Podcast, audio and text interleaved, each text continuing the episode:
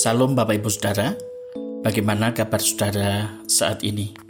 Kiranya kita semua dipenuhi dengan anugerah Tuhan. Mari kita berdoa. Tuhan Yesus yang maha baik, kami bersyukur hari ini oleh karena anugerah-Mu. Kami hendak membaca dan merenungkan firman-Mu, berbicaralah sebab kami bersedia mendengarkannya. Dalam nama Tuhan Yesus, amin.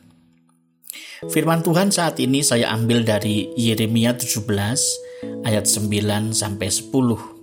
Yeremia 17 ayat 9 sampai 10. Demikian bunyi firman Tuhan.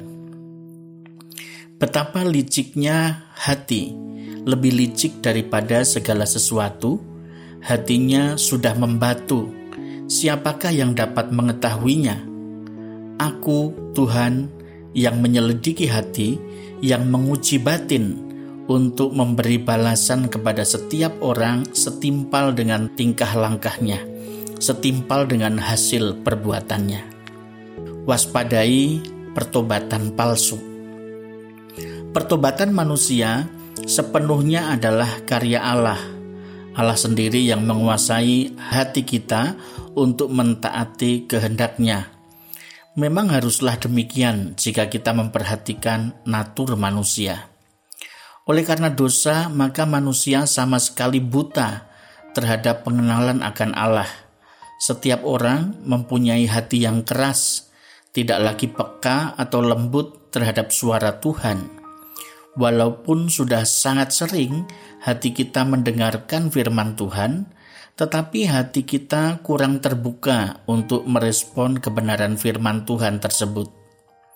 Jika demikian, maka dosa masih menjadi tuan yang berkuasa di hati kita dan memaksa kita untuk melayani kemauannya. Dosa telah membutakan pengertian manusia dan membuat hatinya menjadi degil. Jika kita membaca Efesus 4 ayat yang ke-18. Secara natur, semua manusia menjadi seteru hukum Allah. Roma 8 ayat 7 dan tidak mampu hidup melakukan kehendak Allah.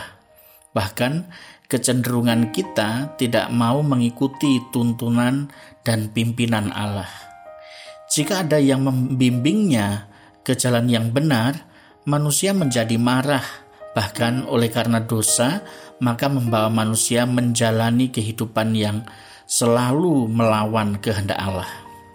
Jika demikian, alangkah menyedihkannya dan betapa celakanya manusia berdosa ini. Sebab tidak ada sesuatu pun dalam natur manusia berdosa yang dapat membawanya kepada anugerah Allah. Maka semua orang memerlukan pertolongan yang turun dari pihak Allah sendiri. Dalam hal pertobatan, Allah sajalah yang berkarya Jikalau tidak, maka manusia tidak pernah dapat mengalami pertobatan. Melalui Tuhan Yesus Kristus yang membuka jalan bagi setiap orang untuk dapat mengenal Allah dan dapat mengerti setiap kehendak dan hidup di dalam anugerahnya. Pertobatan dinyatakan melalui kelahiran baru oleh Allah Roh Kudus, Yohanes 3 ayat 3, serta dihidupkan kembali di dalam Kristus, Efesus 2 ayat 5 diciptakan dalam Kristus Efesus 2 ayat 10 dan terangnya yang bercahaya di dalam hati kita menyingkirkan kegelapan dosa. 2 Korintus 10 ayat 4 sekarang kita disebut sebagai ciptaan baru serta dapat mentaati kehendak Allah. 2 Korintus 10 ayat 4 betapa ajaib anugerah Allah di dalam Kristus bagi kita tetapi oleh Dia kamu berada di dalam Yesus yang oleh Allah telah menjadi hikmat bagi kita. Ia membenarkan dan menguduskan dan menebus kita. 1 Korintus 1 ayat 30. Doa saya bagi kita sekalian.